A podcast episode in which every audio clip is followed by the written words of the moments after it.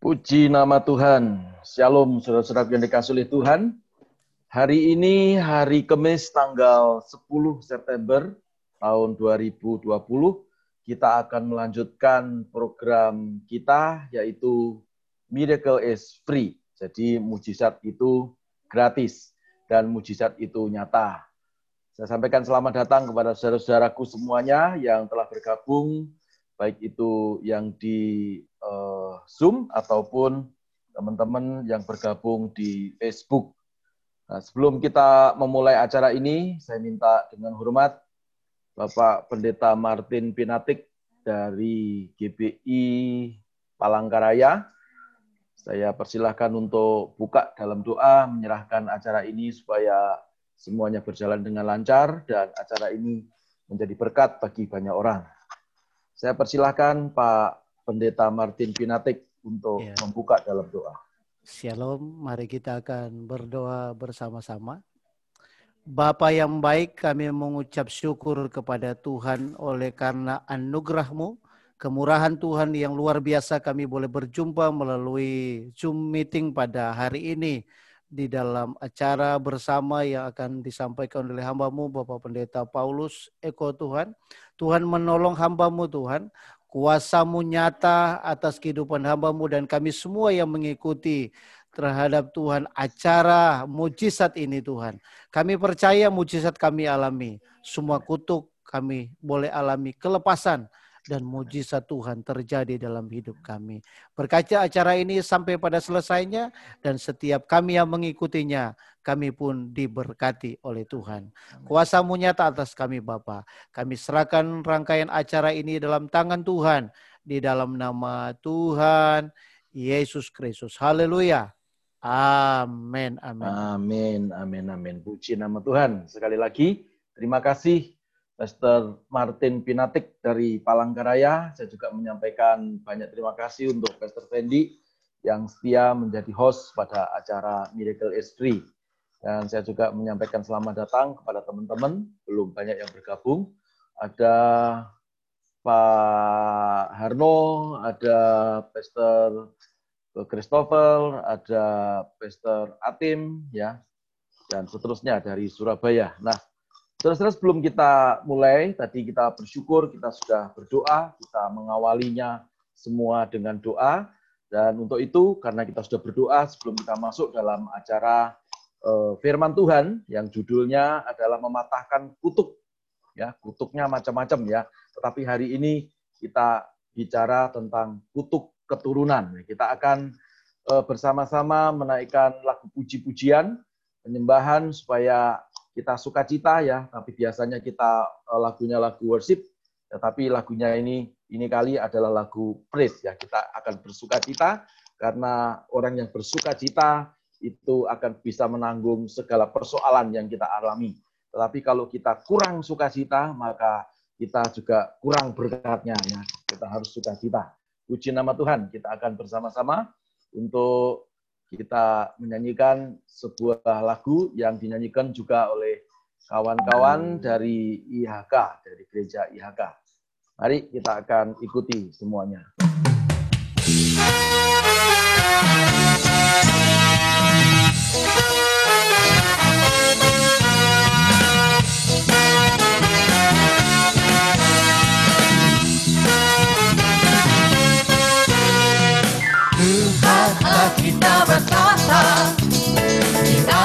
atas pujian umatnya. Tuhan Allah kita bertata di atas pujian umatnya. Bila Allah hadir di tengah kita, kuasanya mengalir dengan dahsyatnya. Ada kuasa dalam pujian Bernyanyilah segenap hati dan jiwa Sama kuasa dalam pujian Yang sanggup membuka kekuatan lawan.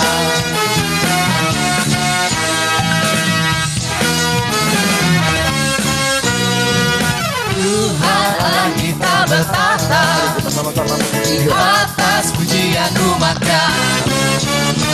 Tuhan Allah kita bertata atas pujian umatnya. Bila Allah hadir di tengah kita Kuasanya mengalir dengan dahsyatnya. Ada kuasa dalam pujian Bernyanyilah segenap hati dan jiwa. Sebab ada kuasa dalam pujian Yang sanggup membungkam kekuatan lawan Ada kuasa dalam pujian Bernyanyilah segenap hati dan jiwa. Sebab ada kuasa dalam pujian Yang sanggup membungkam kekuatan lawan. Ada kuasa dalam pujian Bernyanyilah segenap hati dan jiwa. Sebab ada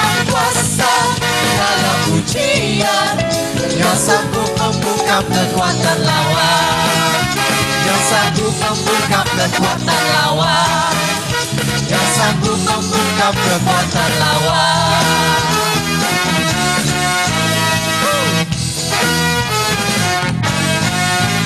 Ada kuasa. Iya, iya. Puji Tuhan, ada kuasa ya di dalam puji-pujian. Sebab Tuhan yang dahsyat, yang bersemayam di atas puji-pujian umat Israel, kata Alkitab. Jadi Tuhan yang berkuasa. Kalau Tuhan yang berkuasa, Tuhan yang hadir dalam puji-pujian, saya yakin dan percaya maka kuasa kegelapan dipatahkan, dikalahkan dalam nama Yesus. Dan kita tidak lagi hidup di bawah kutuk, tetapi kita hidup di dalam garis berkat. Katakan sama-sama, aku hidup di dalam garis berkat Tuhan. Puji Tuhan. Haleluya. Nah sekarang saudara kita akan masuk dalam pemberitaan firman Tuhan. Sekali lagi mari kita berdoa dan kita tundukkan kepala Tuhan kami berdoa supaya pemberitaan firman ini yang kami akan membahas bersama-sama tentang kutuk keturunan supaya kami mengerti apakah orang Kristen yang sudah percaya kepada Tuhan masih bisa terkena atau masih terikat dengan kutuk garis keturunan atau sudah dilepaskan. Malam ini kami akan membahas bersama-sama supaya kami jelas dan supaya kami tidak dihantui oleh ketakutan. Tetapi firman-Mu itu membebaskan kami. Firman-Mu itu memerdekakan kami. Karena kami hidup di dalam kebenaran, maka kebenaran Tuhan itu akan memerdekakan kami. Kami tidak lagi terkutuk, tetapi kami diberkati. Terima kasih Bapa di surga. Kami akan buka hati kami bersama-sama untuk kami belajar akan kebenaran firman Tuhan. Dalam nama Yesus Tuhan. Haleluya. Sama-sama berkata, Amin. Puji nama Tuhan. Saudara-saudara, hari ini kita membahas seperti apa yang Oh, salah. Saya salah screen. Sebentar. Ini kutub uh, tunggu. Maaf, ada uh, tunggu saya. Ada sedikit salah. Ya, puji Tuhan.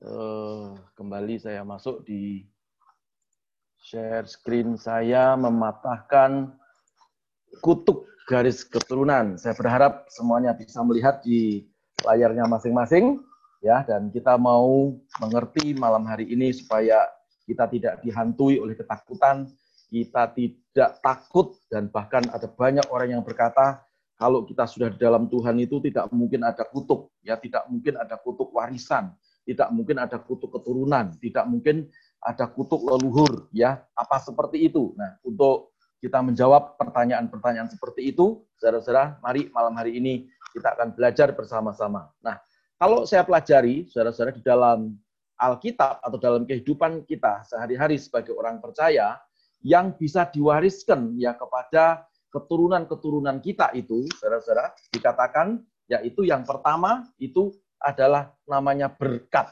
Katakan sama-sama berkat. Ya. Lalu yang kedua yang bisa diwariskan itu juga namanya kutuk ya. Makanya kalau orang yang oh, mau apa orang sudah tua lalu dia punya keturunan, hartanya banyak ya, maka dia akan membuat satu surat wasiat atau akan membagi harta bendanya. Nah, itu bagian daripada berkat. Nah, sudah perhatikan, berkat itu bisa diwariskan. ya. Tetapi bukan hanya berkat yang bisa diwariskan. Kalau berkat kita tidak usah eh, membahas terlalu bertele-tele karena saya yakin dan percaya setiap kita pasti kalau eh, bicara tentang berkat bisa berapi-api ya. Kalau mau tidur pun ngomong berkat itu wah langsung kita apa menjadi eh, apa menjadi sukacita, tidak lagi jadi tidur. Tetapi persoalannya adalah kutub, saudara-saudara ya.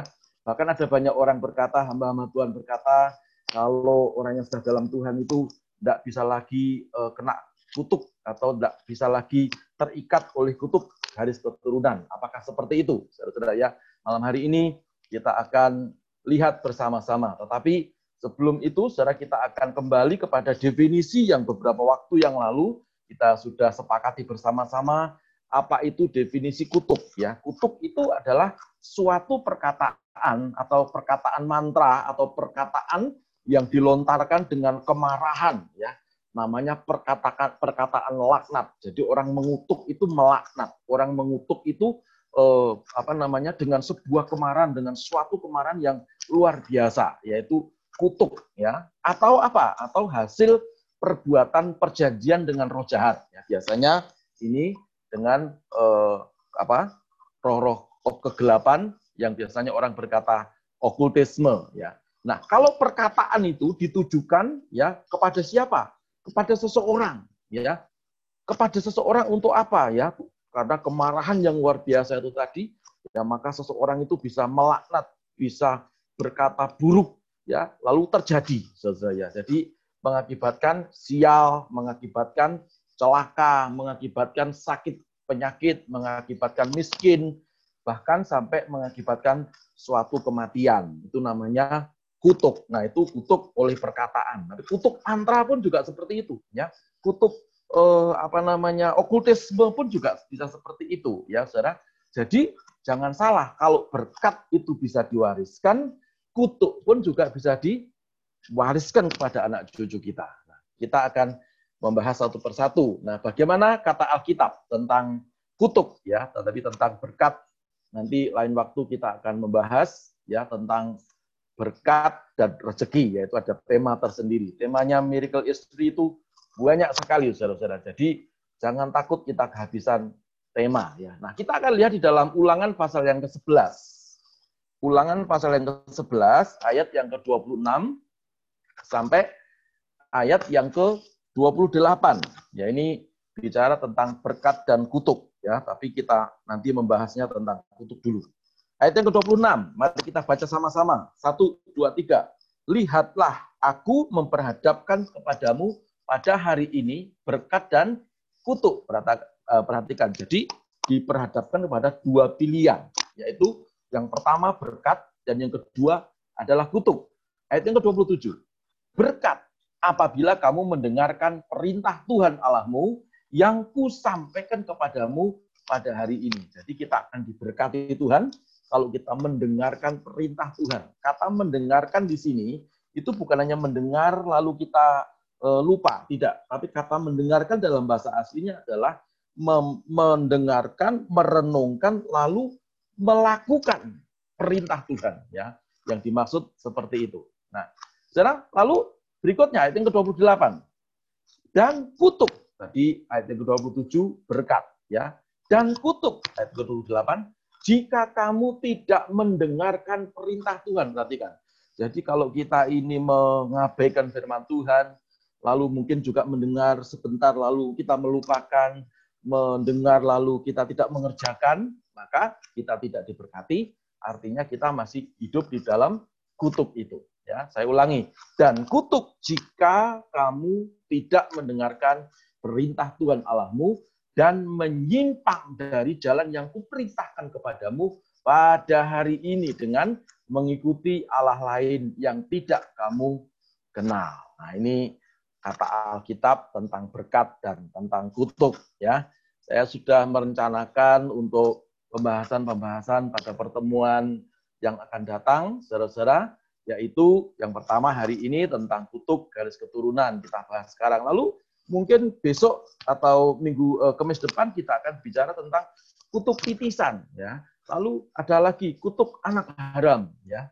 Lalu ada kutukan darah. Ini gimana caranya?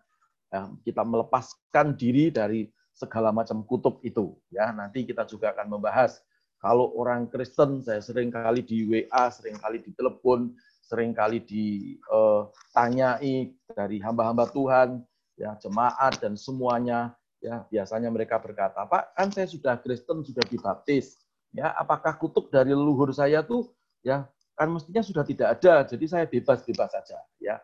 Boleh saudara-saudara, asal kita ini mendengarkan perintah Tuhan Allah kita yang kita kenal di dalam nama Tuhan Yesus Kristus yang disampaikan pada hari ini kita mengerjakan, kita hidup di dalam kebenaran Tuhan, dalam nama Yesus, tidak ada kutuk lagi. Tapi persoalannya adalah ketika kita menjadi Kristen yang Kristen-Kristenan, ya, seperti lagunya siapa itu ya, ada apa namanya Kristen-Kristenan dia, lagunya Bobby kalau tidak keliru ya, itu jadi Kristen yang hanya KTP, ya. Kita lihat, nah, saudara, nah ini seperti seperti ini ya. Biasanya diakibatkan dari okultisme. Tadi saya sudah singgung tentang kutub garis keturunan. Ya, orang yang Kristennya separuh-separuh, orang yang e, mengikut Tuhan tidak sungguh-sungguh, ya apalagi ya yang masih percaya-percaya dengan okultisme, ya atau dikatakan masih percaya dengan hal-hal yang gaib, ya bukan di dalam Tuhan, tetapi di dalam kuasa-kuasa kegelapan. Sering melakukan apa? Ritual-ritual. Ya, okultisme itu kan uh, definisinya adalah paham atau ritual yang mempraktekkan kepercayaan kepada kuasa kegelapan ya atau gaib untuk mendatangkan untuk atau untuk mendapatkan kekuatan supranatural. Kekuatan supranatural itu bisa membaca pikiran orang, lalu bisa menghilang, bukan menghilangkan uang, ya, bisa menghilang, lalu bisa eh, apa eh, apa namanya sakti, bisa apa mendapatkan kekuatan-kekuatan tertentu, bisa membunuh dengan kekuatan-kekuatan gaib. Nah, itu bagian-bagian daripada okultisme, Saudara-saudara. Nah, biasanya seperti itu, orang yang masih apa namanya terikat dengan kutub garis keturunan. Nah, kita lihat lagi, saudara-saudara. Nah, orang Kristen yang masih percaya dengan tahayul, ya itu masih bisa kena. Ya masih ada sebuah ikatan. Walaupun saudara-saudara sudah melayani Tuhan, walaupun saudara-saudara sudah dibaptis. Tapi kalau masih percaya dengan tahayul, kan e, kalau tidak keliru tiga kemis yang lalu kita membahas tentang kutub ya tahayul ya. Jadi untuk masuk neraka itu tidak perlu kita harus berbuat dosa yang macam-macam. Percaya dengan tahayul saja, saudara. Apa itu tahayul? Angka 13 uh, adalah angka yang apa?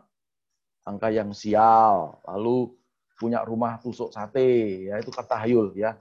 Lalu apalagi mimpi kalau giginya tanggal itu uh, lalu kita memiliki satu kepercayaan dari leluhur, wah itu berarti ada orang dekat yang uh, akan dipanggil Tuhan. Nah itu masih percaya dengan tahayul. Orang-orang yang seperti ini, secara walaupun Kristen, tetapi ada masih ada satu hubungan dengan utuh garis keturunan. Maka itu setan itu pekerjaannya kan mencuri, membunuh dan membinasakan, juga menuduh, ya. Maka saudara, kalau kita sudah menjadi ciptaan yang baru, mestinya kita tidak perlu percaya dengan hal, -hal yang tahayul. Lalu matanya kedutan, kalau di bawah, kedutan yang di bawah begitu, waduh, saya kedutan mataku di bawah, ini berarti akan menangis, ya akan uh, sedih hatinya, ya gitu ya percaya. Kalau keduduknya di atas, berarti akan melihat uang. Ya. Kalau tangannya gatel, akan ngitung uang, ya menghitungkan uangnya tetangganya atau dapat uang. Yang penting uangnya dipegang, namanya gitu ya.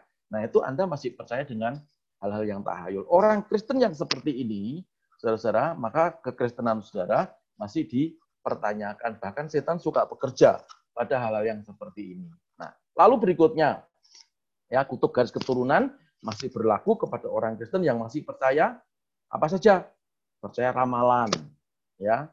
Percaya ramalan. Oh, diramal nanti oh, jodohmu itu dari timur, itu ya.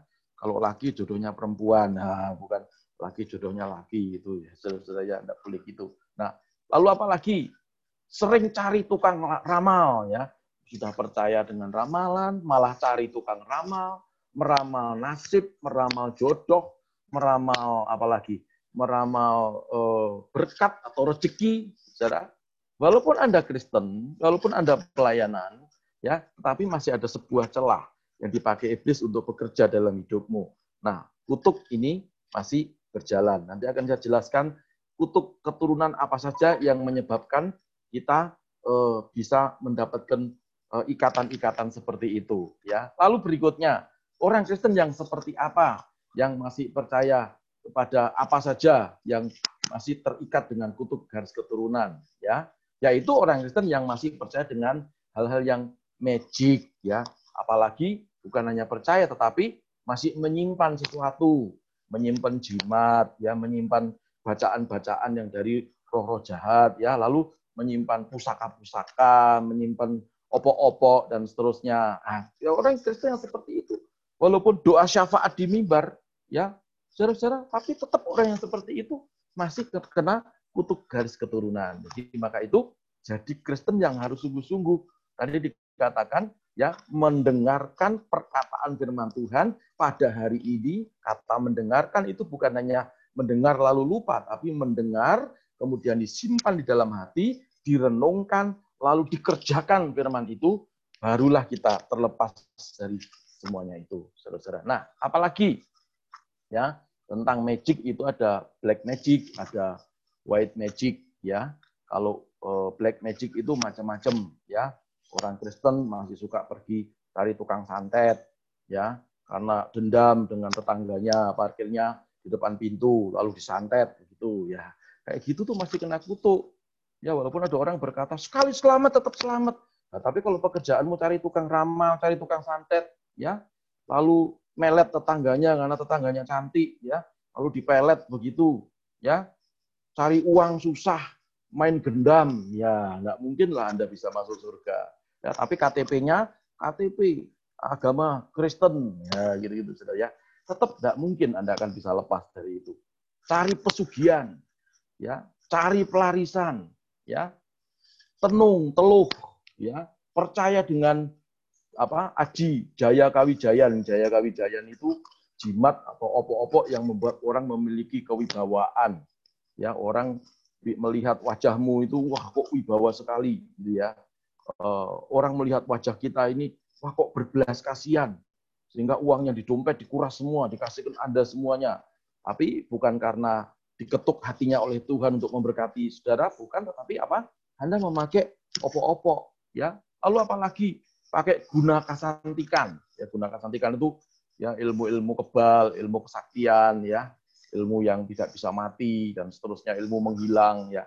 Pastilah orang Kristen yang seperti ini masih terikat dengan kutub garis keturunan ya. Jadi bukan hanya Kristen yang menyelamatkan jadi saya ulangi bukan Kristenmu yang menyelamatkan tetapi apakah Anda mendengar firman Tuhan lalu merenungkan firman Tuhan dan mengerjakan firman Tuhan dan itulah orang yang hidup baru dalam Tuhan kalau Anda hidup baru dalam Tuhan, saya yakin dan percaya kutub garis keturunan tidak akan pernah berlaku lagi buat kita semuanya. Tapi persoalannya adalah ketika iblis datang selalu menuduh-nuduh, apa yang harus kita lakukan? Nanti kita akan bahas ya.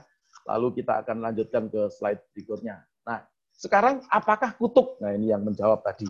Apakah kutub garis keturunan itu masih bisa terjadi pada orang Kristen? Seringkali ini pertanyaan yang bertubi-tubi ya bahkan ada yang sampai tidak bisa menjawab ada yang berhadapan dengan orang teologi dan orang teologi berkata mestinya tidak bisa tapi pada kenyataannya masih banyak orang-orang Kristen yang seperti tadi yang sudah saya jelaskan masih percaya tahayul percaya ramal cari tukang ramal masih pegang opo-opo ya masih pergi ke tukang santet masih pergi cari hipnotis dan seterusnya yang seperti seperti itu pasti kutuk dari leluhur zaman dahulu pasti itu ya masih berlaku atas hidup saudara yang masih melakukan seperti itu. 2 Korintus pasal yang kelima, ayat yang ke-17 sampai yang ke-18. 2 Korintus pasal yang ke-5 ayat yang ke-17 sampai 18. Alkitab berkata, "Jadi siapa yang ada di dalam Kristus, ia adalah ciptaan baru. Perhatikan. Jadi siapa yang ada di dalam, di dalam itu artinya kita ada di dalam, ya. Ya, jadi bukan di luar, tapi kita di dalam Kristus. Maksudnya apa? Kita tidak memakai kebenaran kita sendiri, tetapi kita memakai kebenarannya Tuhan. Kita beriman lalu mengerjakan seperti tadi, ya mendengarkan firman Tuhan, ya lalu e, direnungkan, lalu dikerjakan. Saya ulangi. Jadi siapa yang ada di dalam Kristus dia adalah ciptaan baru. Yang lama sudah berlalu, sesungguhnya yang baru sudah datang. Jadi kita tidak lagi ya hanya berpindah dari kegelapan ke terang yang ajaib. Tetapi dikatakan kamulah terang yang ajaib itu. Kenapa? Karena kita ada di dalam Kristus. Kita tidak lagi menjadi orang yang lama, yang lama sudah mati, ya. Lalu kita menjadi orang yang dibangkitkan kembali dalam kemuliaan. Lalu ayat yang ke-18. Dan semuanya ini dari Allah yang dengan perantaraan Kristus telah mendamaikan kita dengan dirinya dan yang telah mempercayakan pelayanan pendamaian itu kepada kami. Ini adalah surat Rasul Paulus kepada jemaat yang ada di Korintus ya. Jadi saya menggarisbawahi di ayat yang ke-18 kita telah diperdamaikan. Dulu musuh. Ya, orang yang berdosa itu musuhnya Allah orang yang tidak melakukan firman Tuhan itu musuhnya Allah. Ya. Lalu karena kita percaya kita ada di dalam Kristus, menjadi ciptaan baru, kita diperdamaikan. Ya, katakan sama-sama, aku telah damai dengan Allah. Ya. Jadi kita telah diperdamaikan. Ya. Lalu Roma yang ke-12, ayat, uh, ayat yang ke-1 sampai ayat yang kedua. Salah tulis ya. Karena itu saudara-saudara, demi kemurahan Allah, aku menasihatkan kamu supaya kamu mempersembahkan tubuhmu sebagai persembahan yang hidup. Perhatikan. Ya, jadi kita mempersembahkan tubuh kita sebagai persembahan yang hidup, yang kudus dan yang berkenan kepada Allah. Itulah ibadahmu yang sejati ya yang kedua. Janganlah kamu menjadi serupa dengan dunia ini, tetapi berubahlah oleh pembaharuan budimu, renewing of your mind. Ya sehingga kamu dapat membedakan manakah kehendak Allah, apa yang baik, yang berkenan kepada Allah, dan yang sempurna. Ya, jadi dua ayat ini menggarisbawahi yang akan menjawab pertanyaan apakah kutuk garis keturunan itu masih berlaku atau masih bisa terjadi kepada orang Kristen ya. Nah jawabannya nanti kita akan baca bersama-sama. Ya kita sekarang klarifikasi satu persatu. Ya, dua ayat tadi adalah ayat Alkitab tegas menjawab. Ya kutuk garis keturunan itu ya tidak akan mungkin kalau kita menjadi pelaku firman Tuhan. Ya, tetapi kalau kita e, masih melakukan hal-hal yang tadi ya Kristennya KTP ya sudah maka kutuk itu masih berlaku. Nah, bagaimana supaya kita tidak lagi hidup di dalam kutuk garis keturunan? Ya dikatakan tadi dalam dua ayat tadi, jadi kita harus ada di dalam Kristus, ya. Kita harus ada di dalamnya, bukan hanya Kristen KTP, bukan hanya Kristen kalau hari Minggu baru baca Alkitab. Tapi hari-hari yang lain, ya, yang sering kita lakukan adalah melakukan hal-hal yang bukan kebenaran firman Tuhan. Ya, lalu tadi dikatakan menjadi ciptaan yang baru. Jadi bukan Kristen yang tomat, kalau pas mengalami persoalan, minta didoakan hamba Tuhan, wah saya tobat Pak. Saya uh, sadar saya mau uh, tidak melakukan lagi hal yang dosa. Tapi begitu uh, sudah dipulihkan keadaanmu, disembuhkan sakitmu, ya kumat lagi. Itu namanya Kristen tomat. Nah orang yang Kristennya Kristen tomat itu ya tetap masih ada di dalam garis kutuk. Walaupun sekolah teologi sekalipun, ya kalau Anda tetap tidak menjadi orang yang menjadi ciptaan baru, maka garis keturunan dari garis ayah atau ibu disengaja atau tidak sengaja itu tadi kutuknya ya masih apa berlaku atas kita. Tetapi kalau kita ada di dalam Kristus lalu kita menjadi ciptaan yang baru, maka tidak ada lagi sesuatu yang buruk yang menimpa kita. Tadi Alkitab berkata, ya, kita harus mempersembahkan tubuh kita sebagai persembahan yang hidup ini apa artinya? Bukan kita menyeksa diri kita, lalu kita mempersembahkan dengan darah kita. Cukup darah Yesus saja di atas kayu salib. Yang dimaksudkan di sini adalah kita berani nggak memikul salib. Kita berani nggak menyalibkan kedagingan kita ini. Ya, kita berani enggak ya melawan hawa nafsu kita ya dan persembahkan ya kata mempersembahkan itu ya tumbal sebetulnya ya.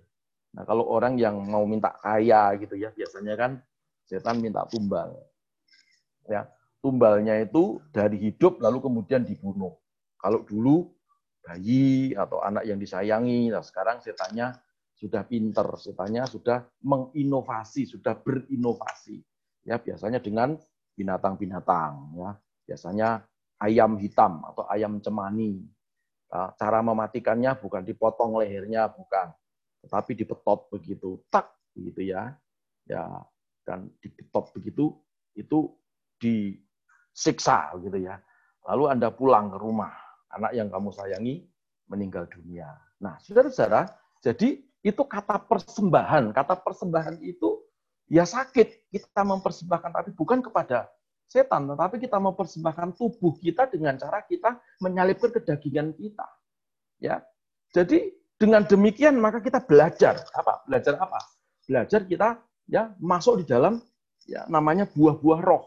Ya, dalam Galatia pasal yang kelima ayat 22 sampai 23. Kalau kita suka menyalipkan kedagingan kita, maka sembilan buah roh itu yang menjadi bagian kita. Lalu kalau kita memiliki sembilan buah roh yang adalah karakter itu, maka kemudian Tuhan akan menghadiahkan kepada kita di dalam 1 Korintus 12 namanya apa? Karunia roh juga ada sembilan. Jadi jangan hanya orang Kristen itu yang diburu hanya karunia-karunia roh saja. Tetapi buah-buah rohnya tidak. Nah ini nanti kita juga akan bahas. Karunia roh versus buah roh. ya Supaya kekristenan kita ini tidak menjadi Kristen dukun, saya melihat ya di belakang Anda ada hitam-hitam, padahal bayanganmu sendiri. Berarti itu setan. Nah, bukan ya. Kan sering sekali kita melihat begitu ya. Saya melihat Tuhan berkata, Wah, gitu ya. Apakah iya, apakah tidak, itu pengalaman spirit. Saya tidak menyalahkan, mudah-mudahan itu betul. Tuhan ngomong, pada waktu saya mandi, Tuhan ngomong. Pada waktu saya sedang oh, di WC, Tuhan ngomong ya. Ya tidak apa-apa kalau memang Tuhan ngomongnya betul, saudara-saudara ya, dan itu Tuhan. Tapi apakah juga setiap di kamar mandi Tuhan yang ngomong di kamar mandi, kok kayak nggak ada tempat, ya? Nanti kita juga akan lihat itu. Lalu berikutnya, kutub garis keturunan itu, saudara-saudara, masih bisa berlaku kalau hidupmu tidak kudus. Ya, jadi kita harus hidup kudus, bukan hidup kudis. Ya, lalu kita masih serupa dengan dunia ini.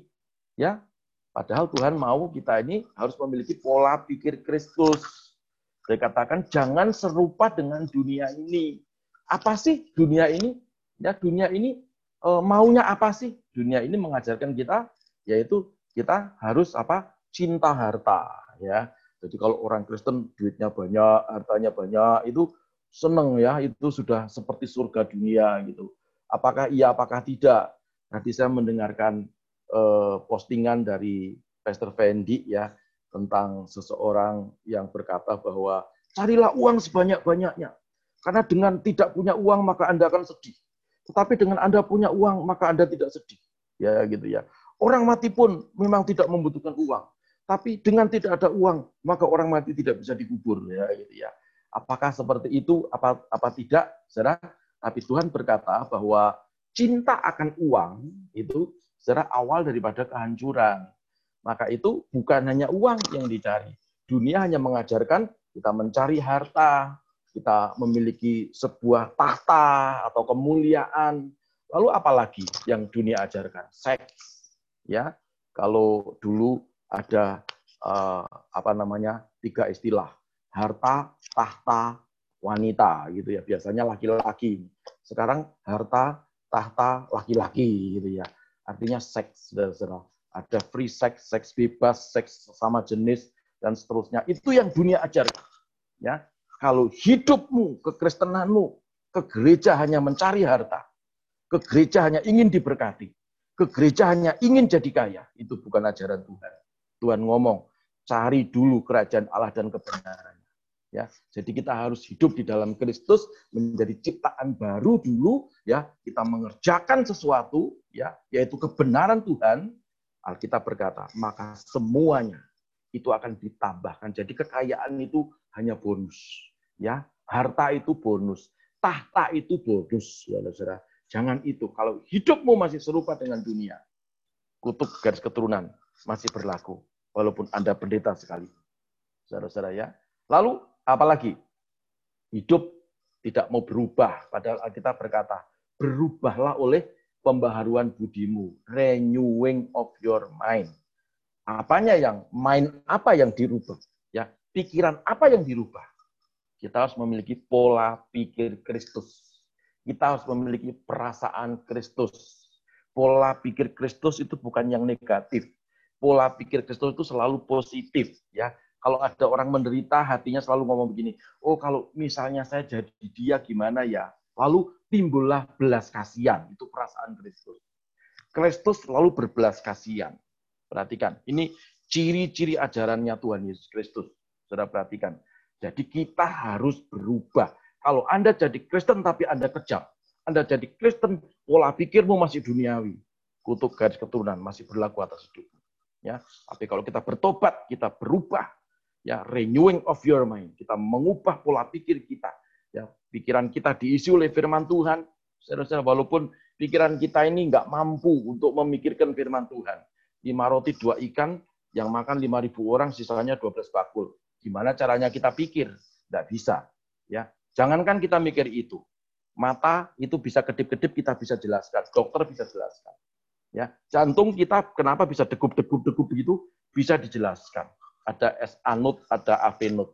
Saudara-saudara ya. Lalu apalagi paru-paru bisa bernapas kembang kempis kembang kempis bisa dijelaskan. Tetapi bagaimana kita bisa memikirkan sampai hari ini tidak ada yang bisa uh, memikirkan atau menjabarkan bagaimana otak kita bisa bekerja sampai hari. Ya, Nggak ada satupun ilmu yang bisa membongkar itu. Karena itu adalah rahasia Tuhan. Maka itu, saudara, mari kita isi hidup kita dengan firman Tuhan. Supaya pikiran kita yang isinya rahasia, kita sendiri nggak ngerti. Itu diisi ya menjadi pola pikir Kristus. Sehingga waktu kita menghadapi persoalan, kita tidak cari pesugihan. Waktu kita menghadapi kesulitan, kita tidak mencari pelarisan. Ya, Waktu kita menghadapi masalah, kita tidak cari orang pinter tapi kita kembali kepada Tuhan.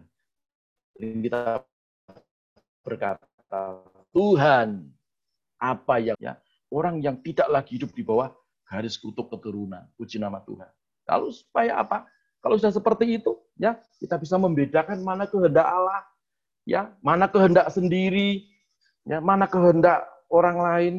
Supaya apa? Kalau kita sudah bisa membeda-bedakan kehendak diri sendiri, kehendak Allah, ya kita bisa melakukan hal-hal yang baik ya mana yang baik mana yang berkenan kepada Allah ya tujuan uh, kehidupan kekristenan yang dewasa itu seperti itu nah dengan penjabaran ini saudara-saudara artinya apa? Ya kalau tadi ada pertanyaan ya di slide yang kelima apakah kutuk garis keturunan masih bisa terjadi kepada orang Kristen? Jawabannya adalah masih ya. Dengan catatan apa? Kalau si Kristen itu ya seperti ini ya di slide yang ke-6 ini ya. Masih Kristen KTP ya, lalu Kristennya tomat ya, tidak mau mempersembahkan tubuh sebagai persembahan yang hidup, tidak mau mikul salib dan seterusnya dan seterusnya. Saudara-saudara, jadi itu yang menjawab daripada pertanyaan-pertanyaan yang sering kali kita kita jumpai di dalam kehidupan kita sehari-hari. Nah, kita sekarang melihat ya, kalau tadi pertanyaannya sudah dijawab, lalu sekarang kita lihat ya. Nah, bagaimana ciri-cirinya orang yang masih terikat dengan kutub garis keturunan? Ya. Kutub garis keturunan itu bisa dari garis ayah ya, bisa dari garis ibu ya, bisa dari eh, orang tuanya ayah dan orang tuanya ibu. Ya, bisa dari orang tuanya orang tuanya kakek nenekmu, ya. Misalnya kutuk apa? Kutuk eh, apa? Kutuk mantra gitu ya, atau kutuk pesugihan gitu ya. Orang yang cari pesugihan, orang yang cari kekayaan, itu kalau anak cucunya tidak meneruskan cari kekayaan, maka anak cucunya itu jadi miskin. Ya, kena kutuk karena ini ikatan. Ya, ada apa? Ada tumbal. Ya, jadi artinya kalau pengen kaya ya harus meneruskan apa yang di uh, apa yang dirintis oleh orang-orang di atas kita. Ya, Nah, kalau di bawahnya dari orang tua yang minta kekayaan itu sudah jadi Kristen, ya, lalu apa yang dilakukan? Ya percaya. Lalu gimana supaya nggak miskin? Ya didoakan, ya. Kan Tuhan kan bisa mengembalikan apa yang hilang.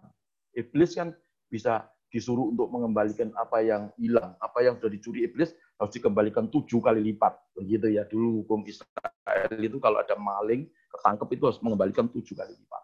Begitu. Ya, jadi itu kita klaim dalam nama Tuhan Yesus Kristus. Nah, sekarang kita lihat ciri-ciri orang yang terikat ya dengan kutub garis keturunan.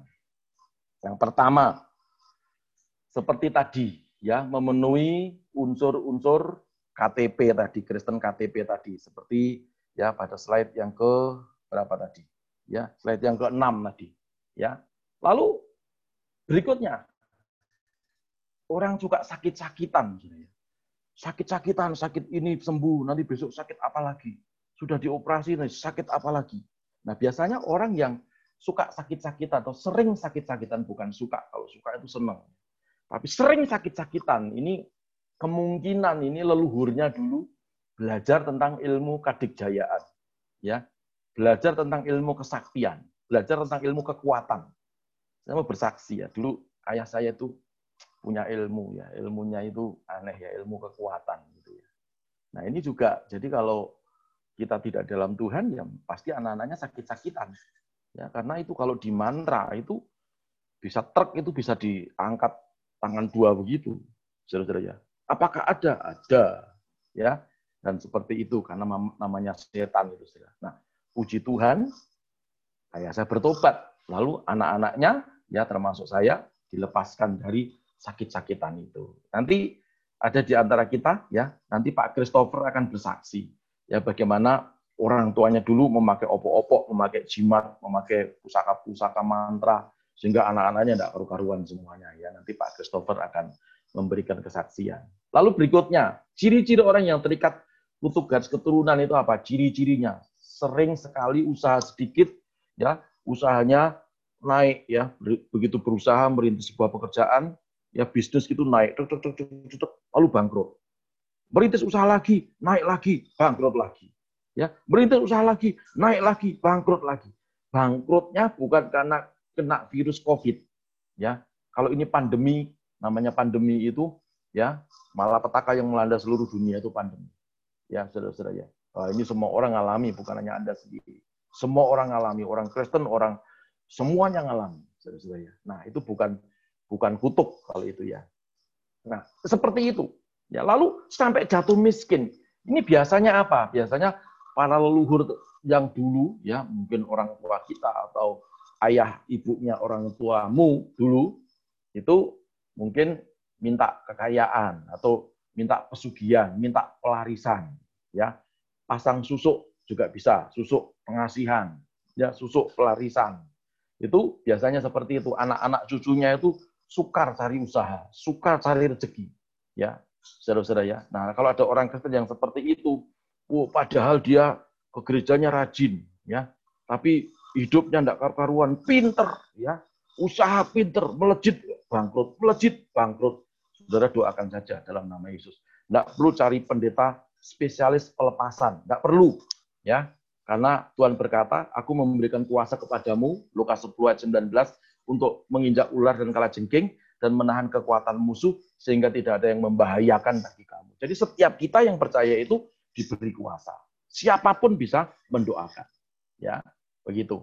Lalu berikutnya, cirinya adalah selalu sial, ya, suka ditipu orang sering ditipu orang. Maaf ya, saya sering kali pakai kata suka. Suka itu eh, bahasa bahasa Indonesia-nya orang Jawa Tengah. Ya. Selalu sial dan sering ditipu orang. Saudara, kenapa bisa seperti itu? Mungkin dulu leluhurnya itu suka ngeramal, ngeramal nasib, ya, cari tukang ramal, ramal jodoh dan seterusnya, dan juga masih percaya dengan tahayul, ya. Orang Kristen sekalipun kalau anda masih percaya dengan tahayul, hidupmu banyak sial, hidupmu sering ditipu orang. Ya, Anda tidak memiliki kepekaan spirit, makanya nggak usah percaya dengan tahayul, nggak usah percaya dengan ramalan, percaya dengan firman Tuhan. Lalu berikutnya ada orang yang jauh jodoh, ya, Jauh jodoh itu bukan jauhnya Surabaya sama Jakarta enggak. Jadi maksudnya sukar untuk rumah tangga ya. Nah ini biasanya leluhur dulu pasang susuk pengasian, susuk pelarisan, susuk pada alat vital. Biasanya ini orang-orang nakal, maaf ya. Ya, biasanya seperti itu, saudara paham lah maksud saya. Bisa di perempuan dipasang pada alat vitalnya, lalu laki-laki dipasang pada alat vitalnya, supaya ketagihan begitu. Apa bisa, Pak? Bisa, gitu ya. Biasanya anak-anaknya itu akan jauh jodoh. Jadi jangan aneh-aneh. Jadi orang Kristen tuh ya pokoknya percaya sama Tuhan, salibkan kedagingan, ya. Mendingan kalau memang nggak bisa tuh ke dokter, minum obat, itu tidak ada kutubnya. Puji Tuhan. Ya.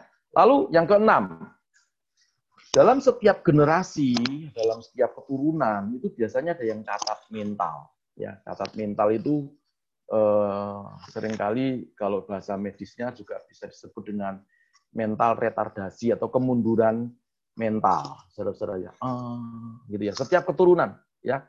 Misalnya eh, keturunan pertama ini anaknya lima gitu ya dari anak limanya satu, nanti anak anaknya lagi ada enam gitu ya. Anaknya yang keturunan ini ada enam gitu ya. Ada satu yang begitu. Ya, nanti punya anak lagi tiga itu ada satu yang begitu. Nah, ini ciri-cirinya. Ya, ciri-cirinya. Kenapa bisa mengalami seperti itu? Ya, atau bisa juga mati muda. Ya, mati muda atau mati sia-sia. Ya, mati sia-sia itu ya mati bisa aneh-aneh ya bunuh diri, mati kecelakaan, padahal masih muda-muda. Biasanya apa yang menyebabkan ini? Saudara, biasanya dulu leluhurnya itu pernah nyantet orang. Ya, leluhurnya pernah membunuh orang dengan kuasa mantra, dengan santet. Atau apa? Bikin bangkrut usaha orang. Ya, persaingan usaha gitu, kalah usaha lalu cari tukang orang pinter lalu supaya uh, usahanya ini tidak ada saingannya, tetangganya yang punya usaha yang sama, ya maka dibikin bangkrut. Ya, jangan main-main, saudara. Anakmu bisa catat keturunanmu. Ya, jadi jangan macam-macam. Ya, hanya percaya aja sama Tuhan Yesus Kristus. Belajar yang benar-benar. Nah, apalagi orang yang pernah mempersembahkan tumbal pesugihan. Ya, orang yang pernah mempersembahkan tumbal pesugihan. Ya, ya tadi sudah saya jelaskan. Nah, termasuk yang sekarang ini yang baru yang baru ngetren itu di Jawa Tengah ada namanya JN, ya, jual musuh, ya, untuk cari pesugihan. Kalau saya punya musuh yang saya benci, lalu saya kasih fotonya, ini loh, musuh saya ini, lalu eh, paranormalnya itu ngomong ini harganya 3M, ya. Maka musuhnya ini direkayasa supaya musuhnya ini jadi tumbal dan 3M-nya jadi milik orang ini atau jadi milik saya. Itu pasti keturunannya akan mengalami cacat mental, mati muda, mati sia-sia. Sebab begini saudara, nggak ada setan itu memberi gratis, itu tidak ada. Ya kan? Selalu minta tumbal. Dan kalau sudah dikasih tumbal, selalu pengen lebih. Sudah dikasih lagi, selalu lebih lagi. Sampai seanak cucunya itu kena semuanya. Ya, Makanya siapa bilang orang Kristen itu sudah bebas dari segala-galanya. Kristen yang sungguh-sungguh di dalam Tuhan, bebas dari kutuk. Kristen KTP, ya masih kena kutuk. Lalu berikutnya, ciri, misalnya banyak sekali. Dalam catatan saya itu, saya akan ngajar okultisme ya. Saya itu, eh, kutuk itu banyak macam-macam, itu ada 21. Tapi malam ini hanya 7 saja. Kutuk kawin cerai. Ya, ya. Kutuk kawin cerai. Anak-anaknya kawin cerai terus begitu. Dalam rumah tangga berantem terus. Biasanya leluhur dulu tuh pakai apa? Pengasian. Jadi papahmu atau engkongmu tuh dulu kawin sama encim itu pakai apa? Pakai pengikat suksma atau pelet atau pengasian. Itu pasti keturunannya kawin cerai, kawin cerai, saudara ya. Sudah begitu, ya. Sudah begitu. Jadi makanya tidak usah ikut setan. Ikut Tuhan itu luar biasa. Ada mujizat dan mujizat yang Tuhan berikan itu gratis tanpa tumbal. Yang setuju katakan amin. Ya. Nah, itu saya menjelaskannya secara global. Jadi supaya kita semuanya mengerti dan yang saya jelaskan ini yang sering kita jumpai di dalam kehidupan sehari-hari. Ya sekali lagi suka sakit-sakitan, sering usahanya bangkrut malah jatuh dalam kemiskinan, selalu sial ditipu orang, jauh jodoh, dalam satu generasi ada yang catat, catat sampai meninggal dunia, kutuk kawin cerai, ya gitu ya. Tadi apa yang menyebabkan saya tidak perlu sebutkan, ya nanti malah anda hafal, ya. yang dihafal firman Tuhan saja. Amin. Nah, sekarang berikutnya yang paling terakhir. Kalau kita sudah mengerti cara mengidentifikasi tadi, kita sudah mengerti ciri-cirinya. Sekarang gimana caranya? Mematahkan kutub garis keturunan. Ya, ada yang berkata, Pak, kalau saya sudah Kristen, ya saya sudah melayani Tuhan, saya tuh tidak lagi kayak gitu kayak itu. Oh, puji Tuhan. Kalau ada suku-suku gak perlu didoakan, lepas sendiri, haleluya. Tapi persoalannya adalah, ya, kalau masih Kristen KTP seperti slide yang ke-6 tadi, itu persoalan.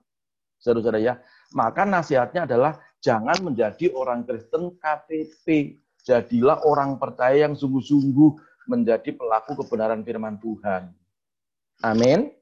Lalu berikutnya, hidup ya mau hidup komitmen, hidup dalam garis berkat. Ya, caranya apa? Ya, bangun pagi, ya baca firman Tuhan, beribadah dengan setia, ya, lalu apa eh, belajar bertumbuh bersama-sama.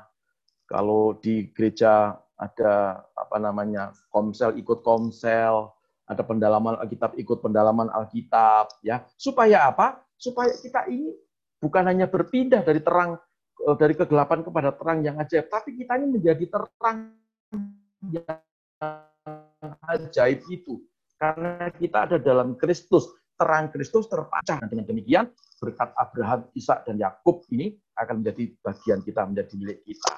Nah, nasihat saya bagi pelaku-pelaku okultisme yang mungkin masih simpan opo-opo, masih ada mantra-mantra, yaitu bertobat. Kalau Anda nggak bertobat, nggak bisa.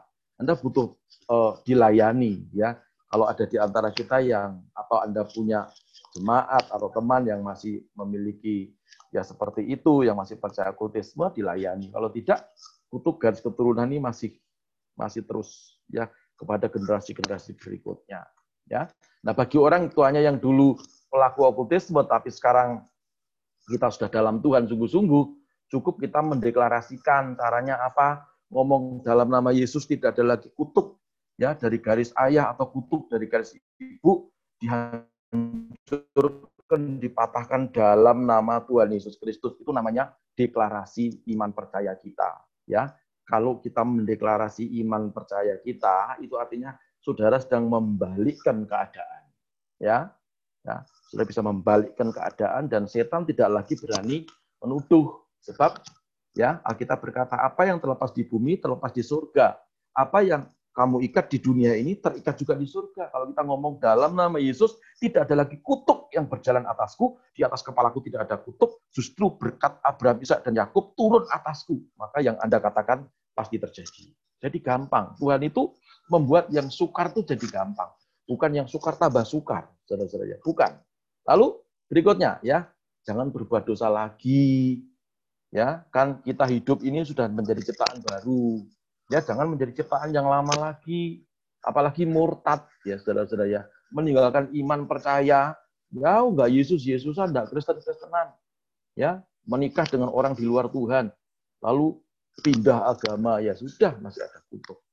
Ya, begitu ya. Lalu mau memikul salib ya memikul salib itu apa bukan kita ke mana-mana saudara pakai salib dipikul ya kalungnya salib giginya salib enggak antingnya salib enggak ya tapi ini loh, jangan nuruti kedagingan kita ini.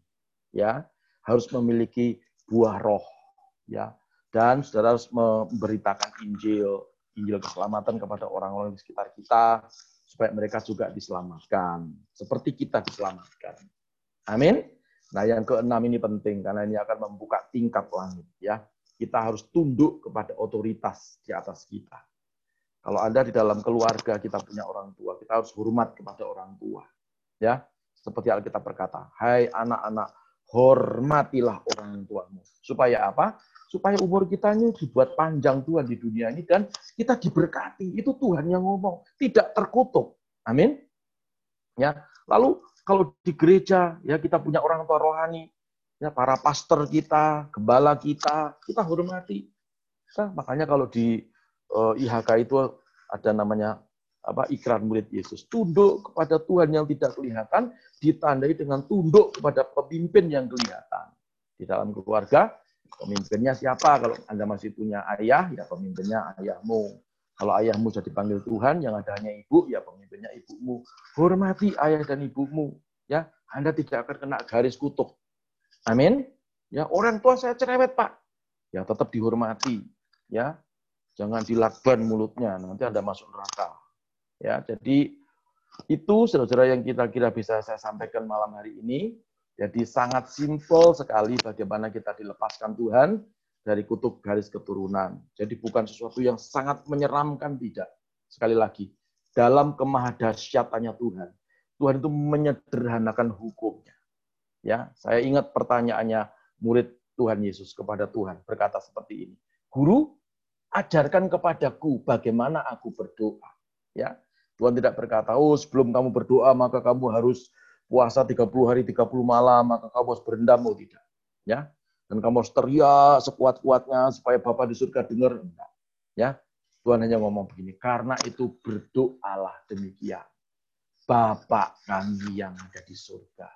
Ya, jadi kalau Bapak kita ada di surga, berarti kita ini siapa yang nyebut nyebut dia Bapak itu siapa? Yang berani ngomong Bapak itu siapa? Hanya anak. Apa artinya? Dalam kemahadasyatannya Tuhan, Tuhan itu bukan menurunkan derajatnya, bukan.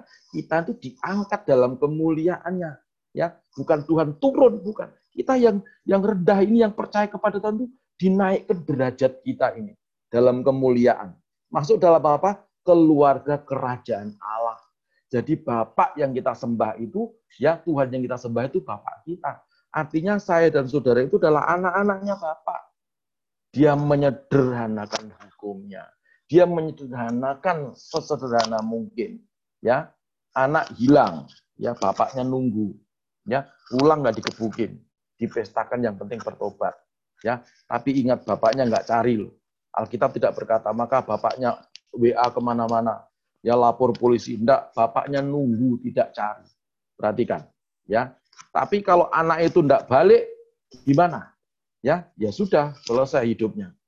Ya, ada dalam kutub, tapi puji Tuhan. Syukur puji Tuhan.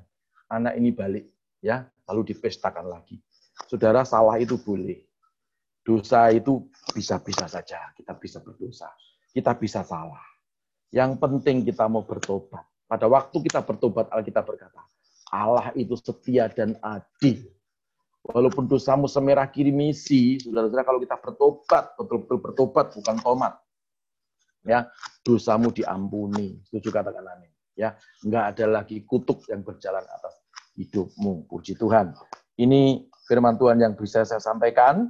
Melengkapi firman Tuhan ini kita akan mendengarkan Pak Pendeta Christopher untuk menyaksikan ya bagaimana beliau dalam keluarganya dahulu ya orang tuanya itu uh, aneh-aneh ya. Jadi ada banyak mantra-mantra sehingga kehidupan keluarga Pak Christopher tidak diberkati waktu itu, tetapi ada dalam kutub. Tapi puji Tuhan, waktu keluarga ini bertobat, maka semuanya diberkati. Ya, saya mengundang Pak Christopher untuk memberikan kesaksiannya. Saya persilahkan Pak Christopher. Ya, salam. Shalom. Uh, ya, terima kasih Pastor Paulus Eko uh, telah memberikan uh, wawasan baru tentang okultisme uh, kutub garis keturunan. Ini saya baru mengerti ternyata setelah saya jadi hamba Tuhan, ternyata dari dulu tuh memang orang tua saya ini adalah termasuk keluarga okultisme. Ya. Jadi termasuk saya berketurunan dari orang tua yang berhubungan dengan kuasa gelap. Ya. Pak Kris orang Ambon ya? Ya, saya nama saya Christopher Silawi. Silawi itu adalah marga, marga atau ya. farm ya, farm daripada orang Ambon ya. Tapi bukan marga bukan marga satwa ya tapi marga Silahui ya dari Ambon dan memang perlu diketahui di Ambon itu saya belum pernah ke sana cuma waktu tugas pekerjaan, pernah mampir-mampir sebentar. Tapi uh, perlu diketahui bahwa Ambon itu terkenal dengan kulkutisme. Ya. Jadi dulu waktu zaman Belanda sebelum Jepang masuk, ini menurut cerita daripada bukan papi, tapi cerita dari mami, orang tua saya, dari mami, itu menceritakan bahwa dulu waktu zaman Belanda ada pribumi, ada juga yang pihak pasukan kenil. Nah, papi saya termasuk pasukan kenil tapi bagian sipil, bagian administrasi.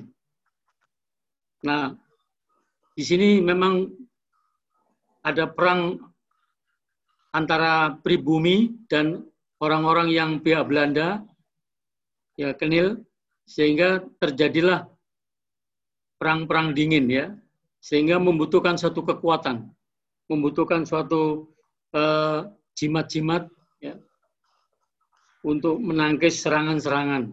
Ya.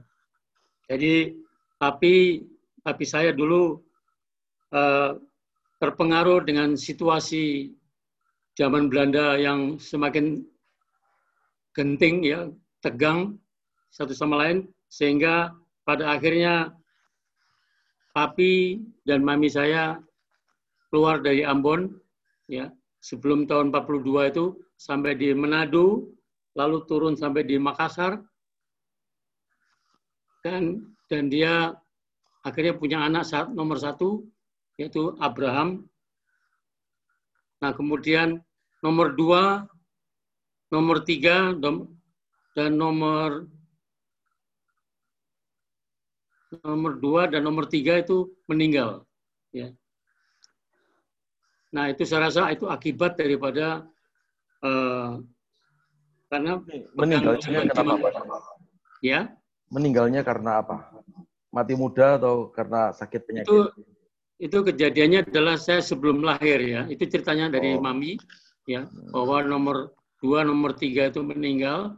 Cuma yang saya tangkap setelah saya bertobat mengerti akan firman Tuhan yang tadi sudah disampaikan oleh Pak Paulus, maka berarti dua, nomor dua dan nomor tiga ini dan bahkan nomor lima dan nomor tujuh.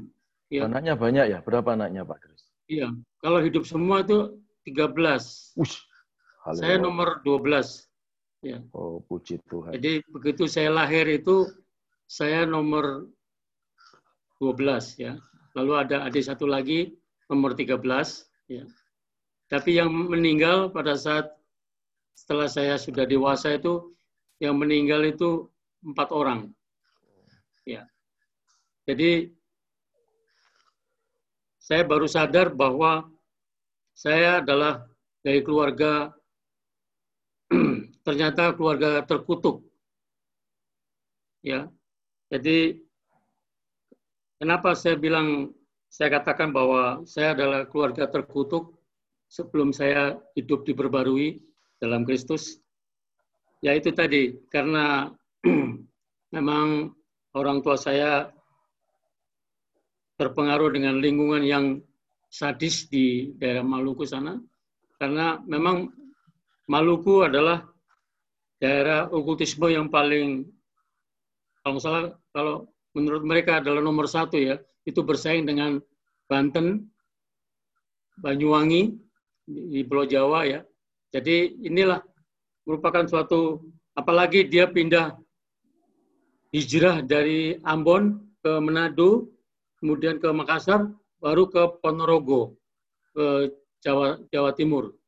Nah, situ dia memerlukan suatu uh, pegangan atau jimat-jimat untuk kekuatan menangkis serangan-serangan apabila dia dapat serangan-serangan dari kuasa gelap. Ya. Nah, suatu ketika ini setelah saya lahir ya, setelah saya lahir tahun 52, nah itu saya dengan kakak saya pada waktu umur dua atau tiga tahun ya, itu lepas kontrol daripada orang tua. Ini cerita daripada mami ya. Pada waktu umur 2 dan 3 tahun itu saya bawa pacul, Cangkul ya. cangkul ya, ya cangkul, kemudian eh, kakak saya bawa pisau, itu berantem.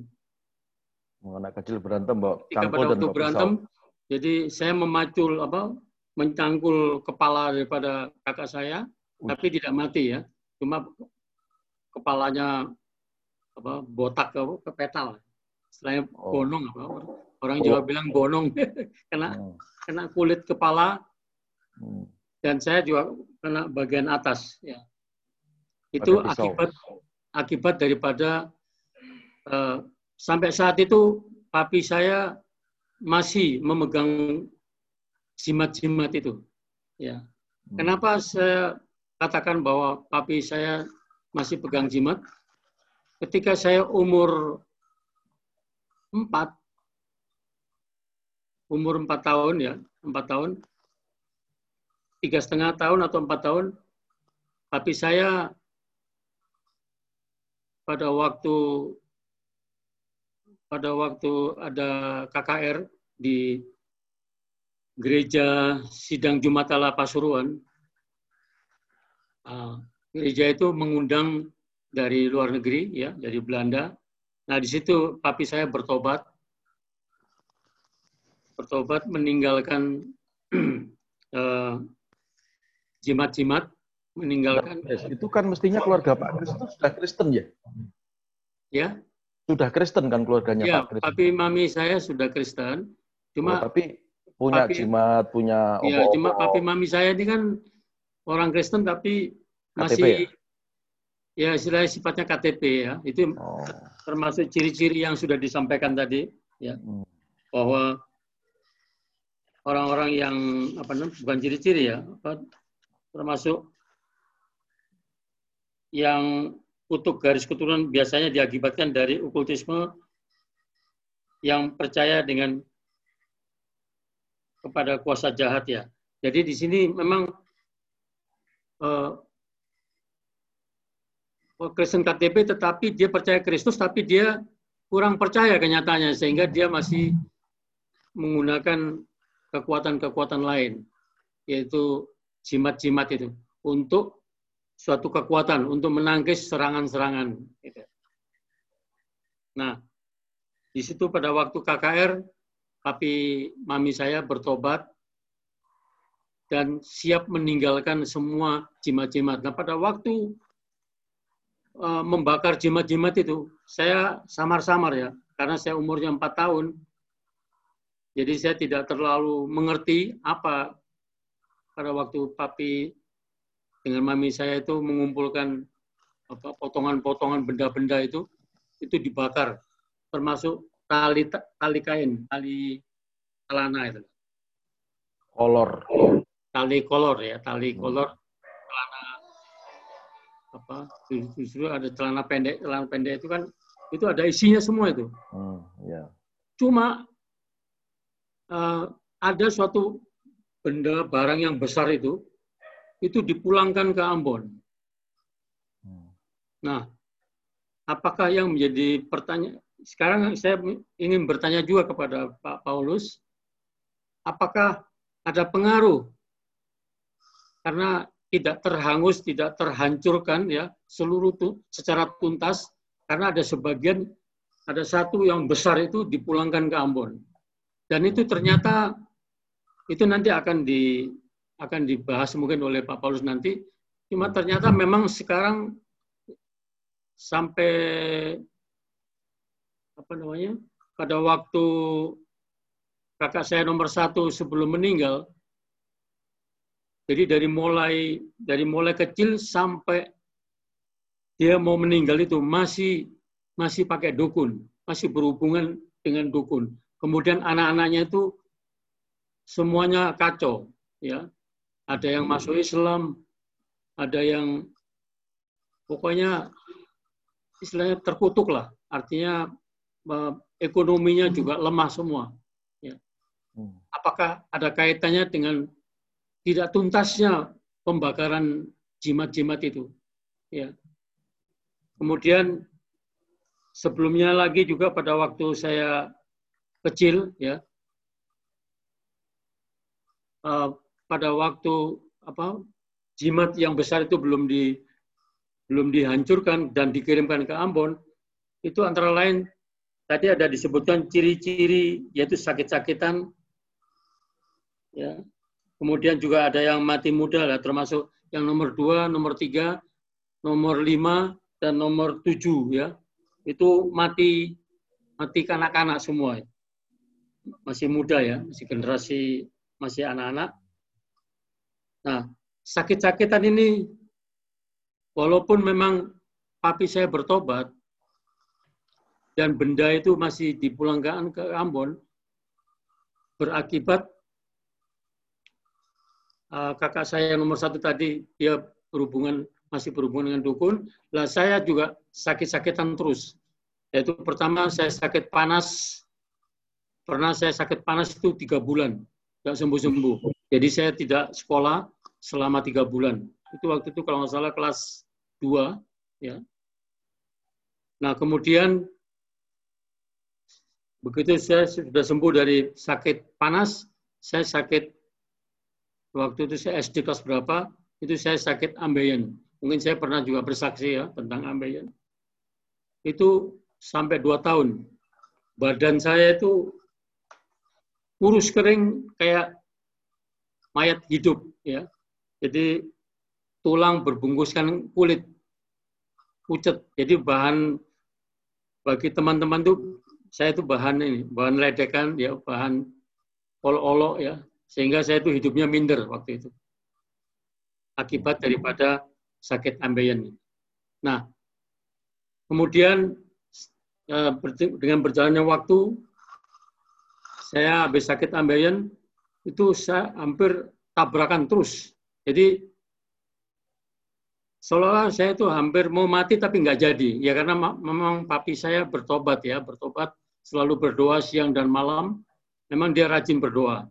Tetapi apakah yang menjadi pertanyaan kepada Pak Paulus, apakah ada hubungannya uh, benda yang besar yang dipulangkan ke Ambon itu? Ada kaitannya dengan uh, rentetan daripada kakak saya yang masih hubungan dengan dukun sampai dia meninggal itu masih dengan dukun ya. ya. Dan waktu itu saya juga sakit-sakitan dan semua apa yang saya alami itu seolah-olah menurunnya ke saya, seolah-olah menurunnya ke saya. Kok yang lain kok nggak sakit? Jadi saya betul-betul menderita itu, betul-betul menurun ke saya semua. Di samping ke, ke siapa? Ke kakak saya nomor satu. Jadi seolah-olah kakak saya nomor satu dengan saya ini yang mendapatkan satu akibat daripada uh, orang tua yang berhubungan dengan okultisme itu. Oke Pak Kris. Dan Jadi, apakah yang menjadi pertanyaan itu uh, kenapa, uh, apa, apakah ada kaitannya dengan jimat yang dengan besar itu dipulangkan ke ya. Ambon itu yang nggak dihancurkan? Ya. Ya, Jadi saya itulah, jawab dulu ya supaya nanti ya. Pak Kris tidak lupa ya. Jadi saya tidak ya. lupa. Saya jawab dulu. Jadi eh, di dalam Alkitab itu dikatakan bahwa kalau itu namanya kan benda benda-benda eh, benda okultus ya. Benda okultus itu Alkitab berkata maka harusnya dihancurkan gitu ya. Cara menghancurkannya ya kalau aliran-aliran eh, apa ada aliran-aliran yang harus membakar gitu ya beberapa teman-teman dibakar tapi ada yang juga dihancurkan lalu dibuang ya dibuang ke laut atau ke sungai seperti itu yang jelas harus dihancurkan seperti itu. Kalau itu dipulangkan ya, maka ada satu ikatan ya, masih ada satu ikatan. Orang tuanya Pak Kris sudah bertobat, sudah dilayani, oke. Okay. Tetapi kan ada anak-anaknya sifat daripada setan itu dia tidak mau melepaskan begitu saja, ya. Uh, dia pasti akan mencari apa namanya, mencari uh, keturunan-keturunan berikutnya. Ya nanti kan akan saya jelaskan pada waktu kita membahas tentang kutuk titisan ya. Ciri-ciri nites itu seperti apa ya? Nanti kita jawab di situ. Tapi secara garis besar bahwa itu memang masih ada hubungannya ya. Kalau benda yang tadi dikatakan yang besar itu dipulangkan ke Ambon, tidak dihancurkan, maka yang yang kemungkinan yang Pak Kris alami tadi ya sakit-sakitan tiga bulan panas lalu mau tabrakan mau mati nggak jadi lalu ambeien sampai dua tahun itu masih ada hubungannya ya tapi kan lalu kemudian Pak Kris kan bertobat ya dilayani oleh kalau tidak keliru Pak Kris pernah cerita dilayani oleh hamba Tuhan yang bukan karismatik ya uh, waktu itu saya dilayani menjelang pernikahan. Ah, jadi, jadi bukan hamba Tuhan, bukan hamba Tuhan dari karismatik yang tepuk tangan, enggak kan dari dari oh, bukan. Tuhan. Ah, ya. Jadi saya dilayani uh, pelepasan. Pertama hmm. ada dua, ada dua pelayanan ya. Hmm. Jadi apa yang saya lakukan, memang saya dulu waktu itu di Jakarta ya. Saya di Jakarta memang hidupnya memang kan banyak orang menilai bahwa orang Ambon kan ditakuti ya, ya. di Jakarta itu. Ya, Sehingga ya. saya terpengaruh dengan suasana Jakarta, saya bikin diri saya sebagai orang yang ditakuti. Sehingga bawaannya itu panas hidup saya di Jakarta dulu. Apalagi saya hidupnya di kompleks tentara ya. Karena saya kos di tentara.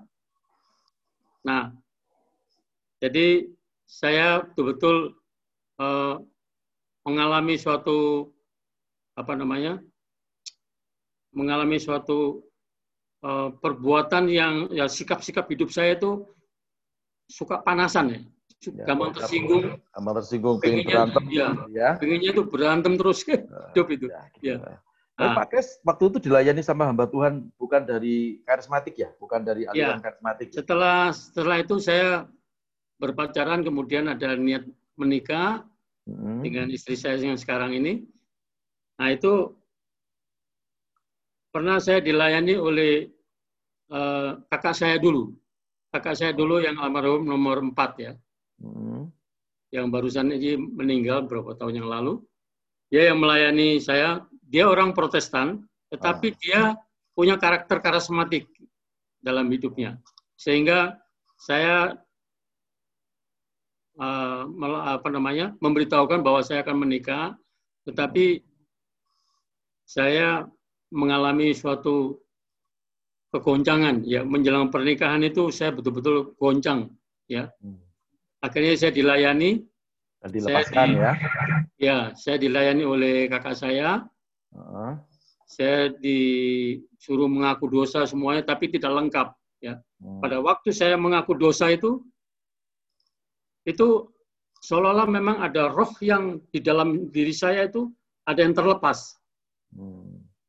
Jadi ada kuasa gelap yang terlepas dari saya itu mampir di anjing. Jadi anjing itu langsung mencuri sepatu saya digigit, sepatu saya digigit satu ya, itu dibawa ke sungai jaraknya setengah kilo.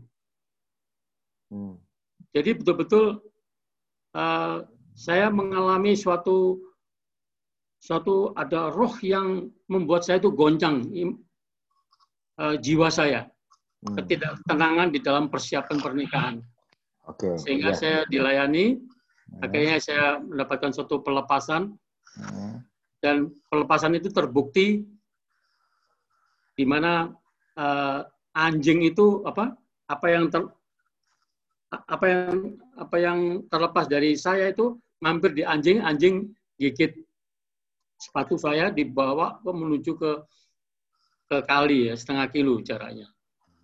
Nah, itu adalah bukti daripada uh, setelah saya mengaku dosa maka semuanya akan terlepas ya dan memang saya belum tapi belum tuntas waktu itu.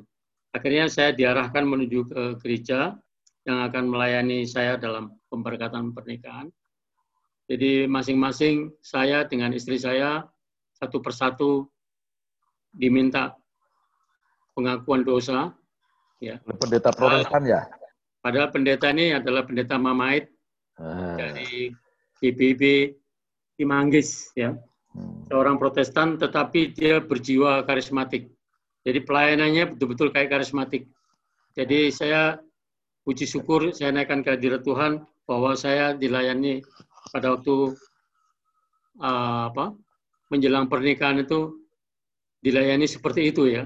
Jadi masing-masing istri saya juga disuruh menulis dari mulai dari mulai kecil sampai pada saat mau menikah itu apa saja yang dibuat dalam uh, dalam hidup dalam ber, apa apa saja yang dibuat yang perbuatan-perbuatan yang berdosa itu itu okay. diakui semua ditulis begitu hmm. juga saya juga menulis sampai berapa poin.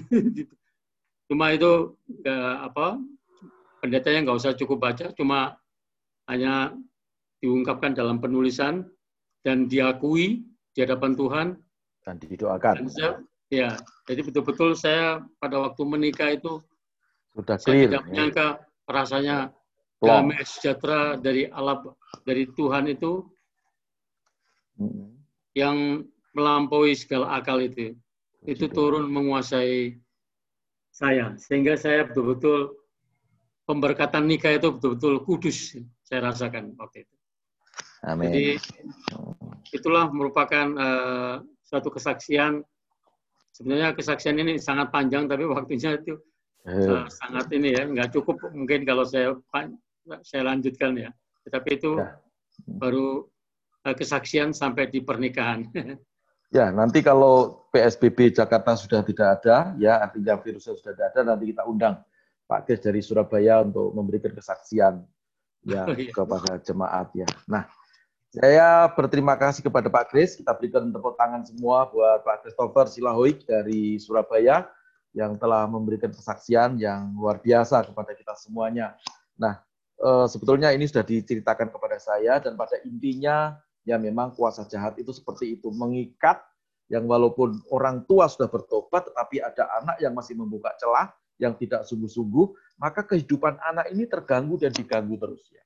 Nah, pada waktu Pak Christopher dilayani lalu bertobat maka tadi ya eh, beliau juga belum jelaskan ya maka sakitnya itu disembuhkan Tuhan lalu eh, apa namanya ambeyennya juga dengan cara ajaib ya itu sembuh ya Nanti Pak Kris juga akan cerita nanti kapan-kapan ya. Dan yang jelas keluarga Christopher Silahoik ya di Surabaya diberkati Tuhan dan tidak mengalami kutuk lagi yang dulunya terkutuk atau dikutuk ya di sekarang diberkati Tuhan melimpah-limpah bahkan ada Amin. anaknya yang sekolah di atau kuliah di Fakultas Kedokteran sekarang ngambil spesialisasi internis ya. Puji nama Tuhan. Jadi itu merupakan satu bukti ya. Jadi eh, saudara-saudara bahwa kuasa kegelapan itu kalau ada memang punya benda-benda atau segala macam, saudara perlu eh, konsultasi dengan hamba Tuhan atau rekan-rekan yang cukup mengerti untuk diapakan benda ini yang jelas jangan disimpan, jangan dikembalikan kepada eh, orang yang memberi tapi dihancurkan saja ya. Karena itu akan mengganggu dan mengikat begitu ya. Nah, puji Tuhan, ada Pastor Rudi Wijaya juga beberapa waktu yang lalu saya perintahkan beliau untuk berdoa untuk satu rumah yang akan dibangun. Lalu di situ juga banyak sekali apa namanya benda-benda yang mengganggu. Akhirnya saya bilang sama beliau ya sudah dibereskan saja dan puji Tuhan saya tanya sama beliau benda-benda gaibnya sudah dihancurkan, dibuang dan rumah itu tidak ada yang mengganggu karena pada awalnya Eh, waktu mau dibangun ada orang yang berdoa di ruang tamu lalu terjadi angin pusaran padahal tidak ada apa-apa jadi di ruang tamu itu ada angin yang muter begitu sampai kalender di dinding itu ya bisa ngebuka ngebuka begitu nutup lagi buka lagi nutup lagi buka lagi. Padahal tidak ada apa-apa ya saudara lalu dilayani dan dibereskan oleh Pastor Rudi Wijaya eh, semuanya jadi baik. Nah saudara-saudara karena waktunya tidak memungkinkan untuk Pastor Rudi menceritakan ini, nanti pada waktu pertemuan yang akan datang, saya akan beri kesempatan beliau untuk menjelaskan supaya kita mengerti bahwa Tuhan yang kita sembah itu adalah penyembah dahsyat. Amin. Ya. Amin. Jadi kuasa setan itu dihancurkan. Tadi Pak Christopher juga dilayani oleh bukan hanya pendeta karismatik yang memiliki kuasa.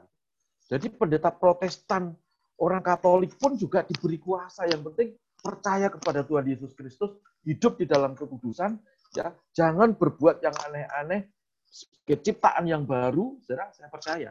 Maka kita akan mengalami kemenangan, kita akan mengalami kelepasan, tidak ada lagi kutuk yang berlaku atas kita, ya, sebab semua kutuk dipatahkan dan surga terbuka dan memberikan berkat yang limpah atas kehidupan kita, ya.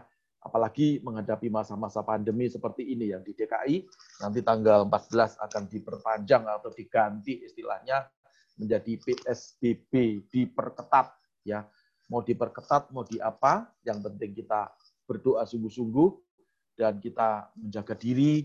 Jangan sembrono ya saudara-saudara ya. Bahkan mungkin nanti tidak ada ibadah-ibadah yang sudah mulai ibadah-ibadah eh, ada ibadah offline mungkin perlu dipertimbangkan supaya gereja tidak menjadi batu sandungan, gereja tidak menjadi alat tuduh-tuduhan, ya nanti ada yang terpapar satu, repot urusannya panjang, ya mohon semuanya berdoa supaya kita memiliki hikmat ya. Dan kalau kita sehat maka sekeliling kita sehat keluarga kita sehat masyarakat sehat Indonesia sehat ya itu harapan kita semuanya sekali lagi saudara-saudara yang dikasih oleh Tuhan karena saya lihat di kolom chat yang ada hanya satu, Ibu Maria Iin, minta didoakan supaya ini apa ini Pak Pendeta tolong bantu doa. Tadi siang teman saya jatuh kaki bengkak namanya Marni. Ya, nanti saya akan doakan ya secara pribadi nanti ya. Tapi karena malam hari ini sudah cukup panjang waktu kita, hampir satu setengah jam, ya saya percaya firman Tuhan, juga puji-pujian tadi dan juga kesaksian dari Pak Christopher Silahui ya memberkati kita semuanya. Saya yakin dan percaya, saudara, kalau kita menjadi ciptaan baru dan tidak meninggalkan iman kita, maka apa pun yang diperbuat oleh leluhur kita zaman dahulu kala karena mereka belum percaya Tuhan, ya tidak akan pernah turun ke kita. Yang diturunkan itu adalah berkat Abraham, Ishak dan Yakub. Amin. Coba siapa mau yang, yang siapa yang mau diberkati Tuhan, tolong lambaikan tangannya. Ya, siapa mau diberkati Tuhan? Ya lebih tinggi, lebih tinggi. Ya lebih tinggi semuanya. Ya, saya berdoa jangan diturunkan dulu. Engkau yang mengangkat tangan dalam nama Yesus, ya tidak ada lagi kutuk yang berlaku atas hidupmu, tetapi sebaliknya surga terbuka memberkati kita semuanya yang mengangkat tangan dan engkau jadi kepala bukan jadi ekor, naik terus tidak pernah turun sehingga apa pun yang engkau kerjakan dengan kedua tanganmu ini, Tuhan akan membuat engkau berhasil dan beruntung. Tidak ada malapetaka, tidak ada sakit penyakit, tidak ada marah bahaya, bahkan kita semuanya dilalukan daripada yang jahat, juga dijauhkan Tuhan dari infeksi virus corona dalam nama Tuhan Yesus Kristus. Amin. Puji Tuhan. Puji Tuhan. Tepuk tangan yang paling meriah untuk Tuhan. Haleluya. Ya. Saya kira pertemuan yang cukup menarik dan sangat luar biasa. Sekali lagi Bu Maria Iin, nanti akan saya doakan secara pribadi dan saya yakin dan percaya teman-teman ada Pastor Petrus Ginanjar, ada Ibu Santi, ada Pak Harno, ada Pak Santo ya dan semua yang tidak bisa saya sebutkan ya banyak sekali ya. Ada 20 tadi tadi hampir 30 puji Tuhan. Mungkin kelamaan jadi mereka ada yang beraktivitas lain Puji Tuhan tidak apa-apa, toh juga ada rekamannya, besok bisa disetel ulang ya. Tapi yang jelas Tuhan Yesus dahsyat dan mujizat itu gratis. Kalau Tuhan memberkati kita, Tuhan tidak minta tumbal apa-apa dari kita. Tuhan hanya minta persembahan tubuh kita ya sebagai persembahan yang hidup. Bertobat itu membukakan pintu berkat. Anda tidak bertobat, ada kutuk yang masih berjalan walaupun Anda pendeta sekalipun. Ya, kan banyak toh pendeta bagus-bagus, ya ketahuan istrinya dua, gitu ya. Pendeta bagus-bagus, rebutan harta benda, gitu. Apa gitu tuh gimana? Terus terus mau berkata, oh tidak ada kutuk, sekali diselamatkan tetap diselamatkan. Lalu segimana keadilan Tuhan ada di mana? Ya kan? Tuhan itu kan juga adil, ya. Adil dan beradab lagi, ya kan? Jadi kalau kita tidak memelihara keselamatan ini, maka keselamatan itu bisa lepas. Kita sembrono, selordeh, ya, maka lepas dan justru bukan berkat yang kita terima, tetapi kutuk. Saya berdoa kita semuanya diberkati oleh Tuhan. Pak Petrus Rihi, ini beliau adalah Pak Polisi ya, Ternyata ada polisi di tengah-tengah kita. Wah, luar biasa. Pak Petrus Rihi, dahsyat. Selamat malam dan dahsyat luar biasa ya. Eh, gitu, saudara-saudara, saya minta eh, karena Pak Polisi tadi saya sebut, saya minta Pak Polisi untuk tutup dalam doa ya. Puji Tuhan. Silahkan Pak Petrus Rihi, tutup dalam doa. Tolong di-unmute. Ya. Silakan tutup dalam doa.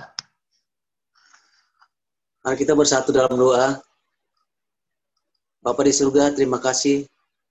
Kami bersyukur untuk malam yang indah ini Tuhan. Kau sudah kumpulan kami bersama-sama dalam live streaming Tuhan untuk membahas tentang kutuk. Kau sudah membuat kami mengerti. Kami pahami bahwa kehidupan ini benar-benar kami harus bergantung dan mengenalkan Tuhan sepenuhnya dalam kehidupan kami. Amin. Kami percaya Tuhan bahwa malam hari ini kami sudah dibukakan pikiran kami supaya kami paham dan mengerti akan kehidupan kami. Supaya kami terus hanya bergantung dan mengenalkan Engkau. Bapak terima kasih untuk malam hari ini untuk Pastor Paulus Ekurianto yang sudah membuka pikiran kami pemahaman akan kehidupan ini. Kami bersyukur malam hari ini Tuhan. Biarlah kehidupan kami ke depannya lagi Tuhan. Kami lebih sungguh-sungguh di dalam Tuhan. Kami terus mengandalkan Engkau dalam kehidupan kami. Terima kasih Bapak di surga untuk malam hari ini. Bila acara-acara ke depannya Tuhan, Kau terus memberkati Pak Pastor Paulus Eko Dianto lebih dahsyat lagi, lebih heran lagi untuk memberkati Amin. setiap kami. Terima kasih Bapak di surga. Memberkati Pak Pastor Paulus Eko Dianto, beserta keluarga, anak, dan keluarga besarnya ya Bapak. Berkat yang melimpah, berkat yang daripada Allah Bapa turun atas keluarga ini. Ya. Terima kasih Bapak di surga, terima kasih Mbak. Kami sudah terima berkat malam hari ini dalam nama Tuhan Yesus Kristus. Kami tutup ibadah live streaming malam hari ini oleh kuasa dari Yesus biarlah perlindungan yang sempurna boleh turun atas setiap kami. Terima kasih Bapak di surga, terima kasih kami sudah berdoa dan mengucap syukur. Haleluya. Amin. Amin. Puji Tuhan. Eh, Selalu ditutup dulu, saudara-saudara. Terima kasih eh, Pak Polisi, Pak Petrus Rihi, sudah memimpin kita dalam doa. Jangan ditutup dulu, saya minta semua dibuka, supaya Pastor Fendi bisa foto kita semuanya, saudara. Tolong wajahnya diperlihatkan. Wih, tinggal 19. Nggak apa-apa. Ya. Supaya Pastor Fendi bisa foto kita semuanya. Pak Martin, tolong dibuka. Pak Yunus, tolong dibuka.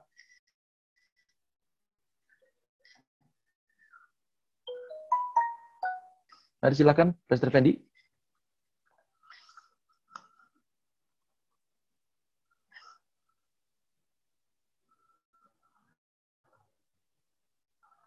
Istri saya, kok nggak dibuka?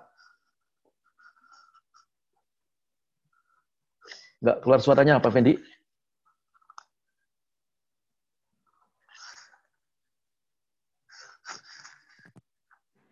Tes, tes. Sudah kedengeran? Ya, udah. Ya, silakan dikasih apa-apa. Oke semuanya, di jempolnya di depan layar. Satu, dua, tiga, cheese.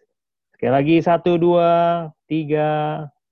Yes, thank you semuanya teman-teman. Puji Tuhan. Terima kasih juga Pastor Fendi untuk hostnya. Beliau sudah menjadi host untuk kita malam hari ini. Dan pengumuman untuk kemis yang akan datang, jadi tanggal 17 September, kita akan membahas tentang kutuk titisan. Apa itu kutuk titisan? Jadi kadang-kadang ada anak kecil yang tidak pernah belajar mantra, tapi bisa ngobati, ya bisa baca pikiran orang, ya jangan Anda bangga, jangan-jangan anak kecil itu kena kutuk titisan. Kita akan membahas di Kemis yang akan datang tanggal 17. Beritahu kepada semua teman-teman supaya kita bisa menjadi berkat dan kita bisa memerdekakan supaya kebenaran itu benar-benar membuat kita lebih dahsyat lagi.